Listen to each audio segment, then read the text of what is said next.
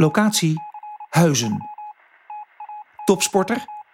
De beste Nederlandse alpineskier op de reuzenslalom, Maarten Meiners. Nou, hij is uh, zeer gedreven, daadkrachtig en ook erg leergierig. Uh, daarnaast is hij ook een doorzetter en altijd goed gehumeurd. Maar hij rijdt wel een beetje te hard met de auto. Maar ja, dat is ook wel weer logisch, want hij is een alpine skier. Dus uh, dat hoort er ook wel een beetje bij.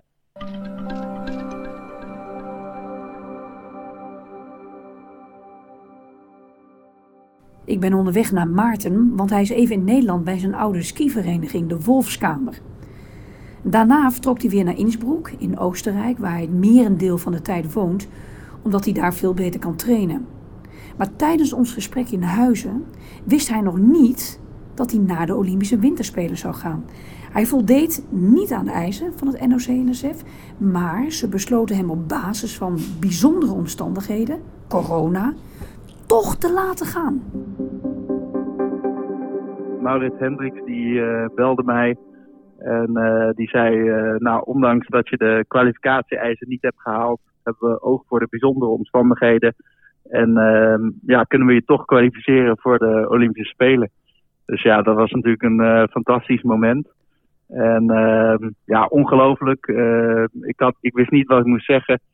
En uh, ik zei alleen maar bedankt en uh, geweldig uh, dat ik die droom achterna kan gaan. Dus ja, dat was echt fantastisch. Topsporters, ze wikken en wegen, ze balanceren en maken keuzes, maar welke en wanneer? Dit is de Topsport Community Podcast. Accept, adapt en move on. Met Marie-Carmen Oudendijk.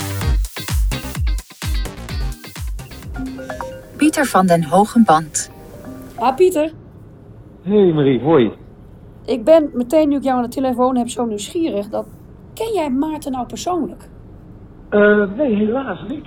En uh, daarom ben ik ook uh, ontzettend nieuwsgierig naar zijn verhaal. want ik ben ook een enorme ski-fan.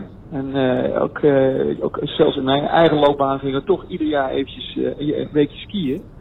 En uh, grote bewondering al voor Alberto Tomba en Herman Maier heb ik ook uh, nog wel eens uh, ontmoet en uitgebreid gesproken. Dus het ski-onderdeel tijdens de winterspelen is, heeft absoluut mijn aandacht. En, en helaas heb ik heel vaak buitenlandse sterren mogen aanmoedigen. En nu gaan we Maarten natuurlijk massaal aanmoedigen. Ja, geweldig hè. Want het is ook wel even geleden voor, voor Nederland dat we iemand hadden als alpine skier.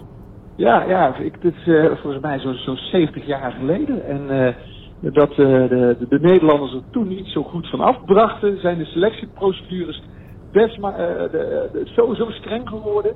Dat het heel lang heeft geduurd dat iemand zo goed is dat hij mee mag doen. En dus is het helemaal ontzettend knap gemaakt dat hij dit heeft bereikt. Ja, hij is, hij snel aan de bak gaat hij. Um, wat wil jij eigenlijk misschien nog van hem weten? Want ik spreek hem zo. Ja, nou ja, weet je, ik vind het mooi van, van hij heeft het allemaal zelfstandig gedaan. Hè. Daar hebben wij wel eens de term lonesome cowboys voor. Uh, uh, voor de mensen die dus buiten alle geëikte programma's dit toch voor elkaar boksen.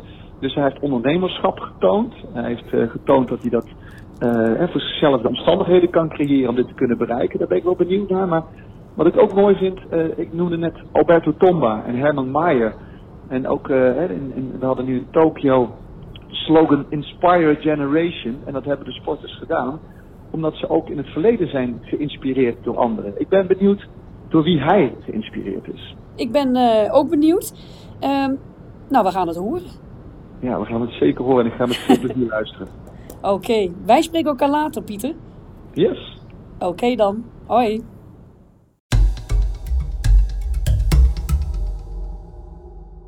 Ik ben hier uh, nou wat zal het zijn, een jaar of uh, eh, 24 geleden ben ik uh, begonnen met skiën als klein jochie op het plastic. En uh, inmiddels is dit mijn fulltime beroep. Dus ja, had ik toen natuurlijk nooit gedacht, maar wel echt een droom die uitkomt. En hoe kom je dan als klein jongetje om hier in Nederland, de lage landen zeg maar, om dan aan skiën te beginnen? nou, ik ging eigenlijk met mijn ouders op wintersportvakantie. En ik had zoiets van, ja, ik, ik, kan die leraar niet verstaan, dus ik begin liever in Nederland. En uh, vandaar dat dit uh, eh, 10 minuten van ons huis een goede mogelijkheid was om te leren skiën. Zodat ik ja, wat meer plezier zou hebben op de wintersportvakantie. En uiteindelijk vond ik het skiën zo leuk dat ik hier eigenlijk na mijn wintersportvakantie gelijk weer verder wilde lessen. En uh, het heel leuk vind om hier uh, op, de, op de skiclub de Rolfskamer op de baan te staan en te skiën. Was ook iemand in het gezin, jouw vader, jouw moeder, die je daar ook heel erg in stimuleerde? Dat die ook van topsport hielden? nou, eigenlijk niet zozeer van topsport. dat komt echt puur vanuit mezelf. Mm. Ze zijn wel fanatieke sporters op allerlei verschillende sporten. Mijn vader vroeger wielrennen, hardlopen, golf en dergelijke. Maar nooit echt aan topsport gedaan. Uh, maar ze zagen wel dat ik het ontzettend leuk vond om te skiën. En uh, daardoor hebben ze mij eigenlijk heel erg gestimuleerd. Hebben ze me hier vier keer per week naar de Wolfskamer gebracht. En uiteindelijk ook door heel Europa gereden. op jongere leeftijd naar wedstrijden en dergelijke. Dus ze hebben me daarin heel in geholpen en ondersteund. maar nooit echt gepusht. Zo van, we gaan niet voor die sport. Uh, dat kwam eigenlijk puur vanuit mezelf. Uh, ik heb die intrinsieke motivatie om mezelf dagelijks te verbeteren. En ik denk dat ik daardoor ook uh, steeds verder ben gekomen. En uiteindelijk op dit moment de enige Nederlander ben in het wereldbekercircuit. En ehm, ja, dat is een lange weg natuurlijk. En dat had ik eigenlijk ook nooit gedacht op jonge leeftijd. Maar ik vond het skiën gewoon ontzettend leuk. En daardoor ja, heb, kan ik mezelf daarin motiveren. Nou denk ik, hè, nou, jouw ouders hebben jou gestimuleerd, dat zeg je. Ehm, maar nou is het natuurlijk wel moeilijk als je, zoals je net zei, enige skier in Nederland bent. Op wat voor manier uh, heb jij nog meer support vroeger en nu? Uh, nou, vroeger was er bijvoorbeeld een uh, nationale juniorenselectie vanuit de Nederlandse skivereniging. Daar kwam ik in 2008 bij van, door mijn resultaten bij bepaalde internationale wedstrijden. in die jaren heb ik ontzettend goed ondersteuning gehad met Harold de Man als coach bijvoorbeeld. Is de oud skier? Ja, ja zeker. Dus de, was een van de beste skiers een jaar of twintig geleden. En is uiteindelijk coach geworden, is dat nog steeds. En heeft mij die juniorenjaren zeg maar heel goed kunnen ontwikkelen. En uiteindelijk uh, ja, heb ik bepaalde stappen gemaakt. Zit ik nu bij een team dat heet Global Racing. En eh, de naam zegt het al, dus het zijn atleten uit verschillende landen. Uh, die in een vergelijkbare situatie zitten. Uh, omdat ik de enige Nederlander ben, is dat moeilijk om daar een team rondom te vormen. En zo kunnen we elkaar pushen in trainingen, maar ook kunnen we de coaches en de materiaalmannen delen. Uh, om zo ja, de wereld over te reizen om onze sport te beoefenen. Nou noem jij uh, Harold de Man, hè, de, de oud skier. Kun jij iets specifiek noemen wat hij jou geleerd heeft... waar je nu nog steeds profijt van hebt? Ja, zeker. Hij heeft mij echt ontwikkeld om uh, ja, van een jongen die skiën leuk vond... naar een topsporter die aan skiën doet. En daar zit een bepaalde levensstijl natuurlijk bij. Het gaat niet alleen maar om skiën, maar ja, om je hele leven van... voeding, fysieke training, mentale dingen. Uh, nou ja, zo met die coronasituatie bijvoorbeeld afgelopen jaar is het heel belangrijk om te accepteren uh, als er bepaalde dingen niet gaan zoals je wil. Uh, ook vooral niet bezig te zijn met dingen die je niet kunt beïnvloeden. maar alleen maar te kijken van hoe kan ik mezelf verbeteren of wat kan ik doen om iets, een situatie te veranderen. Ja, om een zo optimaal mogelijk klimaat voor jouzelf als top, topsporter te creëren. En dat is wel echt iets wat hij uh, al vroeg is mee begonnen. als het een keer mistig is, of het regent, of de sneeuw is niet goed. Ja, daar kun je niks aan doen. Dus dat moet je accepteren. Iedereen heeft, zit in die situatie, heeft daarmee te maken. En uh, jij moet daar als sporter gewoon het beste uit jezelf halen. Die dag op dat moment. En uh, ja, dat is wel iets waar ik toen de tijd, een jaar of 15 geleden, echt wel mee begonnen ben.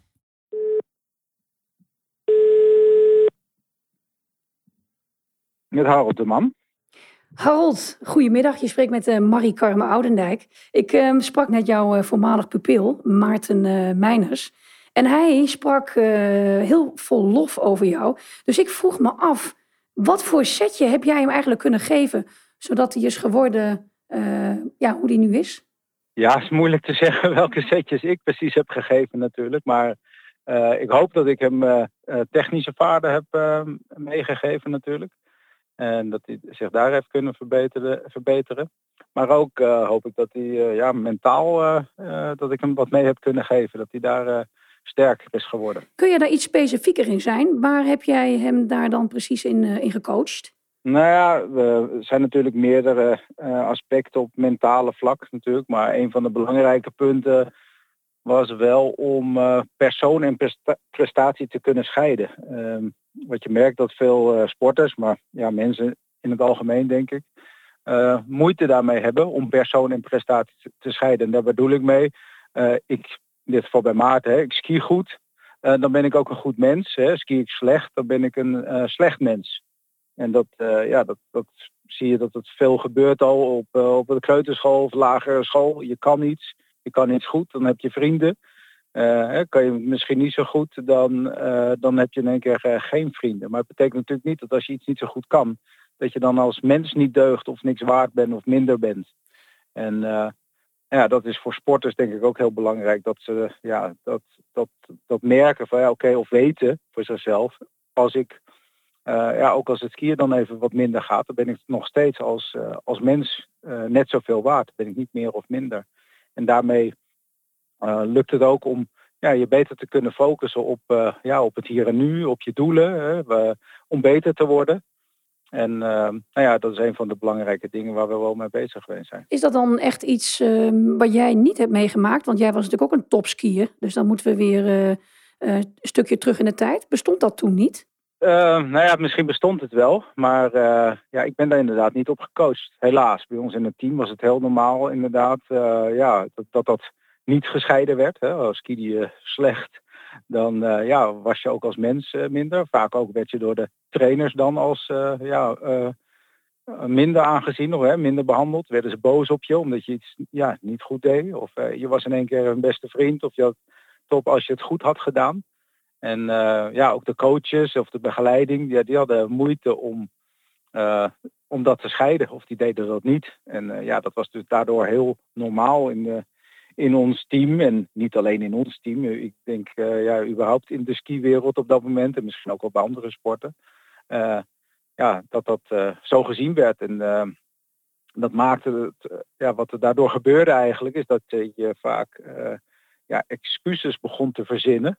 Waarom je dan misschien niet ge, snel geskiet had. Hè. Dan lag het aan slecht gewakst. Of ik heb verkeerd gewakst en daarom ben ik zo langzaam. Want ja, eigenlijk wil je daarmee aangeven, ik ben zelf, ik ben wel goed. Ik was alleen nu langzaam, hè? want als je dus inderdaad niet zo goed zou skiën, dan zou je weer als mens minder zijn. Dus dat wil je ten alle tijden vermijden. En dan ga je altijd excuses bedenken. Ja, en dan kom je eigenlijk niet eh, tot de kern, hè? Dat is dan, uh... En dan kom je niet tot de kern, dan kom je ook niet tot een oplossing. Dan ga je niet kijken, dan ga je niet evalueren van ja, oké, okay, uh, wat, wat, heb ik gedaan en wat kan ik beter doen en waar ga ik dan nu aan werken.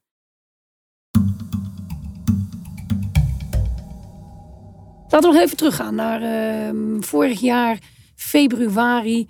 Toen eigenlijk de corona de kop opstak en het, uh, het wereldbeeld ging beheersen. Uh, wat gebeurde toen? Hoe overkwam dat jou? Ja, ik denk dat iedereen uh, ontzettend verrast was. in negatieve zin natuurlijk. Niemand had verwacht dat dit zo zou doordringen in de hele wereld. Van het een op het andere moment sta je gewoon normaal bij een training. En ineens moet je het seizoen afkappen begin maart. Uh, wedstrijden werden afgelast. Uh, ja, het kwam echt als een verrassing. En iedereen zat ineens thuis. En dan zit je daar als topsporter op de bank. Uh, je kan eigenlijk niet gaan trainen. Want in sommige gebieden mocht je bijna niet eens naar buiten. Maar ja, vooral het uitzichtloze situatie van wanneer heb ik weer wedstrijden. Nou, het seizoen was voorbij. Dat was inmiddels wel duidelijk. Dus ik heb gewoon gezegd, oké, ik zie dit als kans. Ik heb nu een langere periode rust. En kan gewoon eigenlijk meer fysieke training gaan doen. Dus ik ben ontzettend veel gaan fietsen. Ik denk dat ik uh, eh, 3.500 kilometer gefietst heb. En zo een enorme uh, basis voor mezelf heb gelegd. Uh, op het moment dat ik weer kan gaan skiën, ben ik extreem fit. En wanneer dat dan ook is, nou uiteindelijk werd dat in begin juni al. Dus wij konden eigenlijk weer aan de gang op de gletsjers. Wij konden gaan trainen op de skis. En ja, dat was ontzettend fijn. De zomer was vrij goed. Maar eigenlijk kwam weer diezelfde situatie in oktober. Ehm, ja, het coronavirus kwam eigenlijk weer meer terug uh, dan we verwacht hadden. Dus toen was het eigenlijk, gaan de wedstrijden wel door? Wanneer gaan de wedstrijden door? Waar en, en hoe kun je je daarop voorbereiden als je eigenlijk niet weet wanneer je moet pieken? Nou, er was uh, een kleine aanpassing in de kalender. Meer in Europa, makkelijk te, uh, te bereiden met de auto. Dus gelukkig ging met testen en dergelijke gingen de meeste wedstrijden door. En, maar ja, er zijn zeker situaties in oktober, november geweest. Dat ik dacht van, joh, misschien moet ik volgende week naar huis. En uh, was dit het voor de winter? Nou, daar zit je natuurlijk niet op te wachten. En dan komen we weer bij datgene van hè, het accepteren, je aanpassen en uh, verder gaan. En uh, daarbij kijk je duidelijk naar hè, wat, wat kan ik nog wel doen? Hoe kan ik mezelf het beste voorbereiden op datgene wat komen gaat? En soms is het moeilijk om een maand, een week of soms wel een dag vooruit te kijken. Als er skigebieden gesloten worden en je weet niet waar je kunt trainen. Maar ja, uiteindelijk hebben we dat eigenlijk best wel goed kunnen doen. En hebben we heel veel wedstrijden kunnen doorgaan. En was dat toch wel een heel goed seizoen. Je wordt dus eigenlijk in zulke periodes op jezelf uh, teruggeworpen. Ehm, als je nu die, die eerste lockdown zeg maar, vergelijkt met die, met die tweede lockdown. Uh, was de een nou veel moeilijker dan de andere? Ja, ik denk eigenlijk dat misschien wel die tweede lockdown moeilijker was. Omdat die eerste lockdown was voor iedereen zo'n verrassing. En denk je van nou, hè, als we dit nou moeten doen een paar weken, dan komen we er ook wel weer uit. En jammer van die paar laatste wedstrijden, maar een paar weken en we gaan wel weer verder. En uiteindelijk realiseer je dat, dat we nu iets meer dan een jaar verder staan. En uh, we nog steeds in een vergelijkbare situatie zitten. Dus om dat vol te houden, vond ik eigenlijk in die tweede lockdown uh, moeilijker. Maar aan de andere kant was het ook wel de periode van het jaar van hè, aan het begin van de winter, waar je zo hard hebt voor gewerkt. Ja, als je dat dan in het water zou zien vallen, dan uh, ja, vond ik dat erg moeilijk. En eh, gelukkig eh, ging dat toch uiteindelijk door. En ja, heeft iedereen zich moeten aanpassen. Maar um, ja, dat hoort er ook bij. Want als jij uh, dan kijkt in deze coronatijd waar Maarten nu zit, waarin hij ook zei van in de tweede lockdown heb ik het veel zwaarder dan in de eerste lockdown. Kun jij hem dan doorgronden wat er precies gaande is? Nou, ik heb er met niet, niet met hem over ge, gesproken, dus ik weet het natuurlijk niet precies. Maar kijk, ik, ik, ken Maarten natuurlijk wel een beetje. En ja, Maarten heeft ook uh, um, actie nodig en afwisseling en uitdaging en mensen om zich heen. Hè? En ja, als je, als je dat door die lockdowns niet meer hebt en je bent meer alleen en het is ja, alleen maar trainen en, verder niks meer eromheen, hè? dan wordt het allemaal wat saaier. En dat is zeker voor een type als Maarten is dat wel een stuk lastiger. Maar als je nu nog even terugkijkt dan naar die tweede lockdown, die je eigenlijk als uh, zwaarder ervaarde. Uh, welke tools of welke instrumenten moest je nou eigenlijk op terugvallen wat betreft het motiveren van jezelf? Um, ja, het motiveren van mezelf uh, vind ik over het algemeen niet zo moeilijk, omdat ik het ontzettend leuk vind om mezelf te verbeteren. Dagelijks uh, op de piste vind ik het leuk om ehm, elke bocht proberen sneller te maken, elke run sneller te zijn. En daar hoort allerlei voorbereiding bij. Het moeilijke vond ik wel om die motivatie daadwerkelijk dagelijks op te brengen omdat je eigenlijk niet weet waar je naartoe werkt. Dus uh, een horeca-ondernemer die misschien niet weet wanneer hij zijn deuren weer kan openen. Of uh, iemand die uh, op spullen verkoopt, die weet niet wanneer die weer mag gaan verkopen. Of wanneer die spullen nodig zijn. Um, dus het moeilijke is om daar eigenlijk daadwerkelijk telkens op aan te passen. En ik denk dat dat uh, ja, het moeilijkste en het belangrijkste is om te accepteren dat je in die situatie zit. En dan zo goed mogelijk dagelijks uh, misschien wel aan te passen naar de juiste situatie. Dus eigenlijk als je zegt uh, accept, adapt, move on, is dan misschien wel adapt de moeilijkste van die drie? Ja, dat denk ik wel. Omdat je daar uh, ja, soms niet de juiste tools voor zou kunnen hebben. Uh, of misschien niet precies weet hoe je je moet aanpassen. En ja, dat, dat verandert gewoon constant. En daar moet je elke keer op inspelen. Wat, wat heb je nodig? Uh, uh, zeg maar wat liefde van je gezin. Of uh, gezin, maar van je vriendin. Of, of juist kletsen met je, met je vrienden. Wat, stimuleert jou om het vol te houden? Um, ja, zeker. Daar, daar komen allerlei mensen bij je in de buurt waarmee je contact hebt. Daar is zeker familie en vriendin belangrijk en vrienden. Maar ik denk ook gewoon de coaches en misschien ook collega's op je werk. En daardoor praat erover, weet je wel. Waarom zit jij met dat probleem en hoe zien andere mensen dat?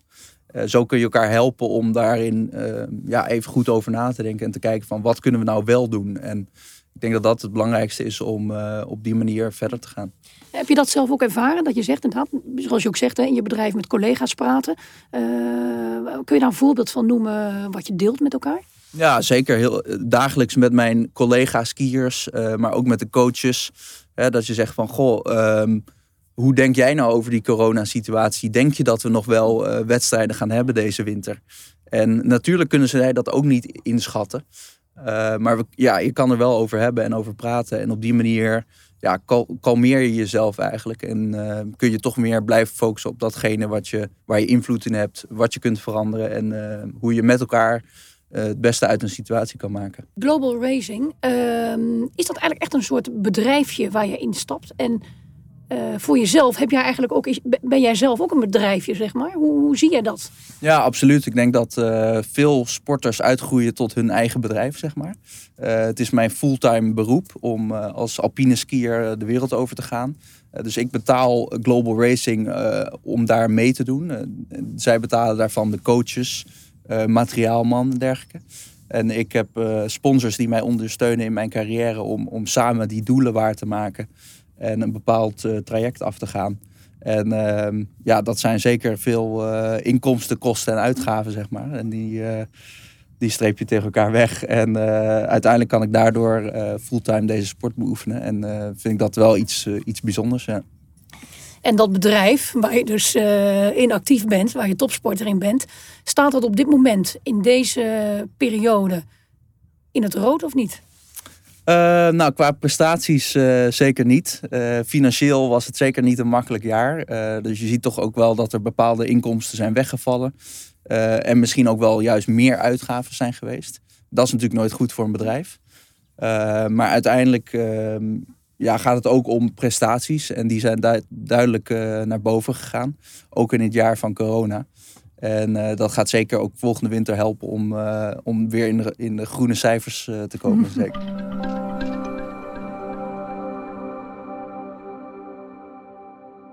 Het is niet een Nederlands team waar die in zit, waar alles uh, al klaar ligt en waar uh, goede coaches klaarstaan, waar die uh, mee aan de gang kan gaan. Dus hij heeft het echt allemaal zelf moeten doen. En ja, de prestaties die hij die, die, die heeft behaald, ja, die zijn gewoon echt heel erg knap. Dat hij daar zo voorin in die skisport mee kan draaien. Dat, ja, dat vind ik wel heel knap. En de Olympische Winterspelen 2022 in, in Peking, nou, haalt hij die?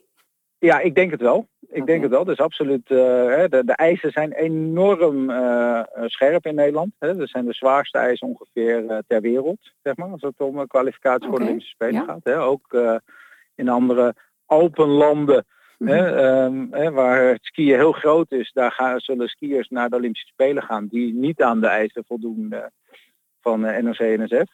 Ja, dus ja, de, de eisen zijn heel zwaar, maar hij kan het uh, halen. Hij doet gewoon echt, uh, hij zit dicht tegen de absolute top aan. En ik denk dat hij die, die, die laatste stap nog uh, kan zetten het komende jaar. En dat hij zich kan kwalificeren.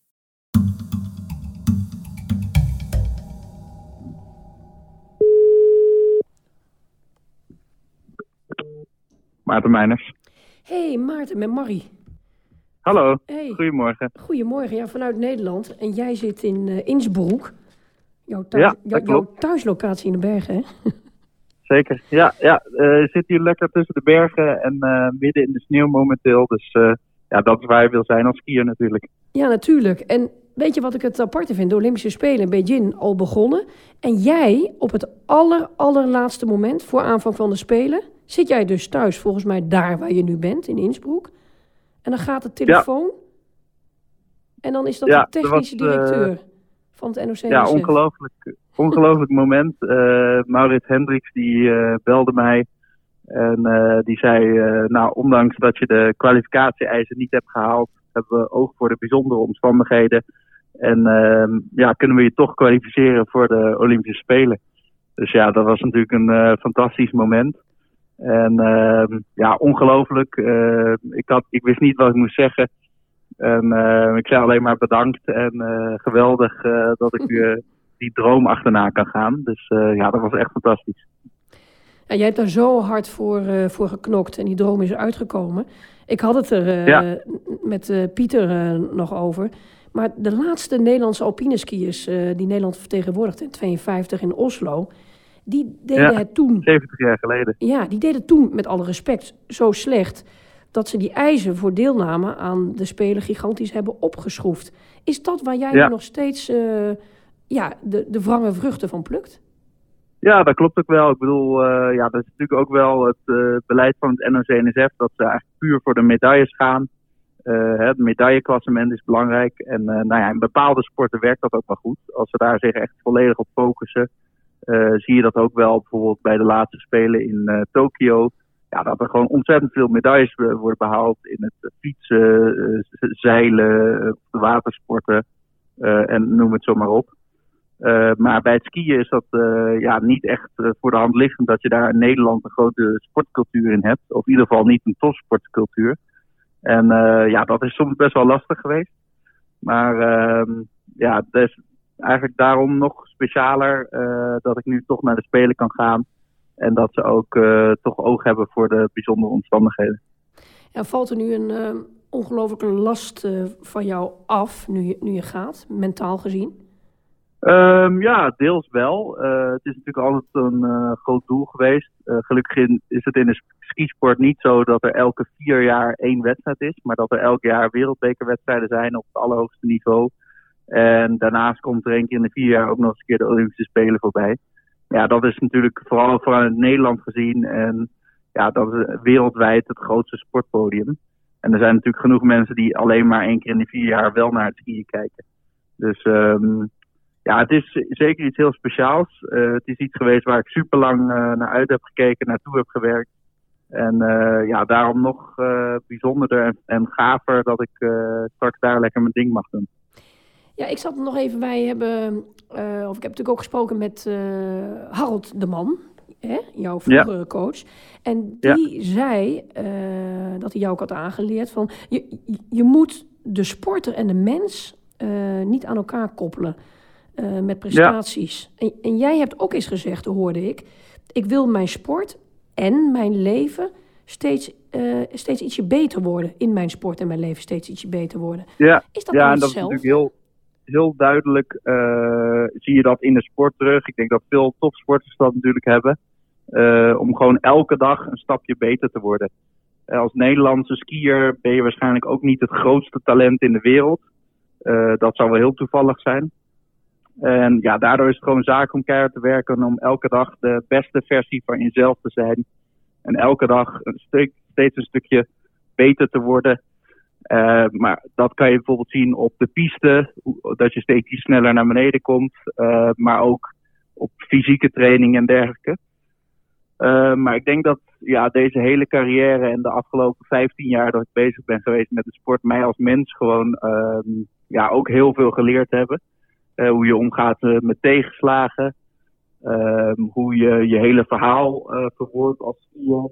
Ja, dat het belangrijk is om een, een, team op te bouwen, sponsors te zoeken.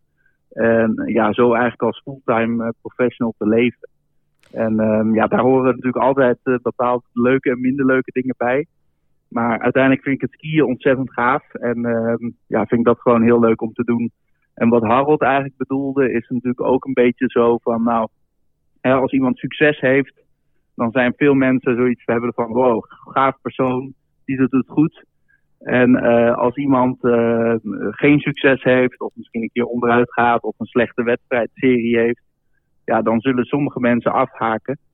Uh, maar uiteindelijk verandert dat niet zo heel veel als, als persoon. Dus ik kan me ook nog wel herinneren van mijn ouders bijvoorbeeld, die zeiden, nou jongen, maakt niet uit of je het goed doet of niet goed doet. Je doet je best en dan zijn we alsnog trots op je. En we vinden je alsnog een goede gozer. En daar gaat het uiteindelijk om. En uh, ja, dat is toch wel belangrijk om dat ook op die manier uh, in te zien, denk ik.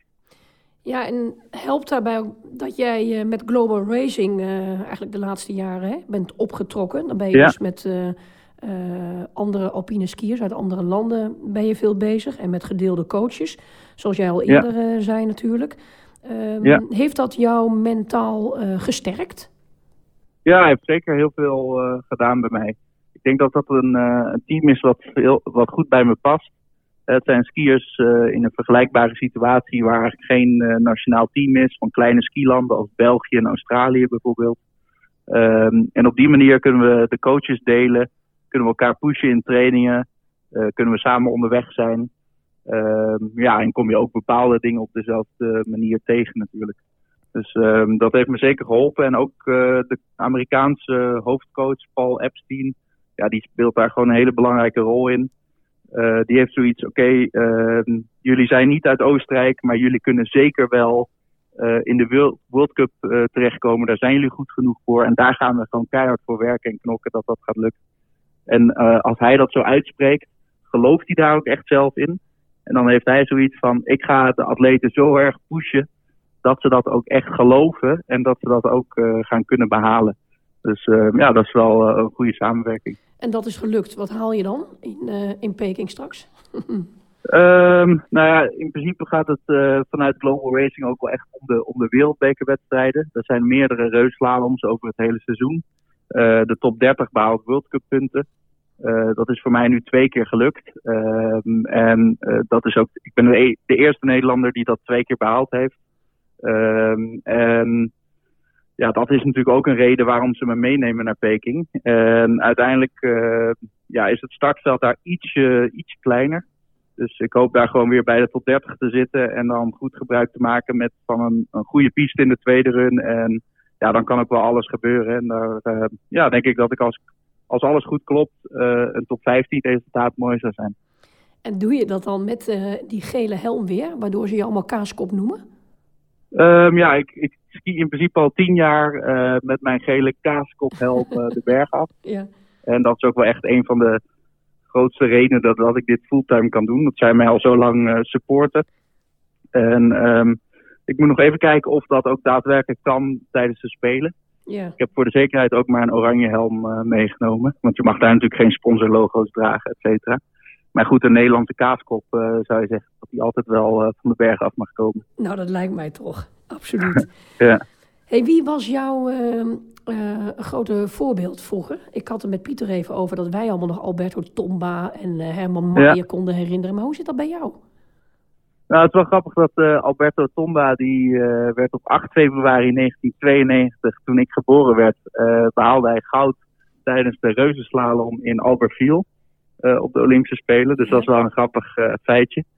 Ehm, maar ja, dat is dus inderdaad een beetje voor mijn tijd. Maar de afgelopen tien jaar eh, hebben we wel veel gekeken naar eh, Marcel Hirscher bijvoorbeeld. eh, de halve Nederlander. En in de reuzenslalom was dat ook wel Ted Ligety. Ik heb nooit echt enorme voordelen gehad, voorbeelden gehad als idolen. Maar meer dat ik gewoon kijk, oké, wie zijn de beste skiers van de wereld momenteel? En misschien is dat wel nu voor Peking bijvoorbeeld Marco Odermatt uit Zwitserland. En dan kijken we gewoon heel erg, oké, wat doen ze nou precies op de piste wat hun snel maakt? Ja, en dat probeer je natuurlijk gewoon eh, te kopiëren. Of, of in ieder geval je eigen techniek daarin ietsje op aan te passen. En eh, daar kan je zeker veel van leren. Ehm, ja, ik zit nog even te denken tot slot, Maarten. Ehm, als jij nou de jongere generatie zou eh, coachen, hè? wat zou jij Ja. hun dan eigenlijk als allereerste mee willen geven? Nou, ik zou hem vooral mee willen geven. Heb plezier in je sport. Heb plezier in het skiën als je dat als sport doet. Ehm, want het is gewoon superleuk en geniet daarvan. Niet iedereen kan dit zomaar eh, doen. Dus wees je daar bewust van. Ehm, ja, en ik heb gewoon zelf eigenlijk nog steeds, en als jonge skier, gewoon super veel plezier gehad om in de bergen te zijn. Om, om van die piste af te scheuren. En eh, ja, dat vond ik gewoon heel erg leuk. En daarnaast eh, zou ik zeggen van doe gewoon je best. Meer kun je niet doen. Probeer keihard te werken om elke dag ietsje beter te worden. En eh, mijn, mijn allereerste jeugdwedstrijden was ik ook zeker niet de beste. Eh, maar ja, door stap voor stap al die jaren door te blijven werken, ben ik gewoon steeds beter geworden. En in principe kan bijna iedereen dat wel, als je daarvoor de juiste mindset hebt en het gewoon leuk blijft vinden. Dat is het, hè? Dat is hartstikke mooi. Ja. Dank je, Maarten, voor, eh, Ja. voor jouw mooie verhaal. En eh, nou, namens iedereen die ook maar luistert nu, zou ik zeggen... heel, heel, heel, heel, heel veel succes. Super. Yes? Ja, dankjewel. Jij ook bedankt. Hoi, hoi. Hoi. Dit was de Topsport Community Podcast. Tot de volgende keer.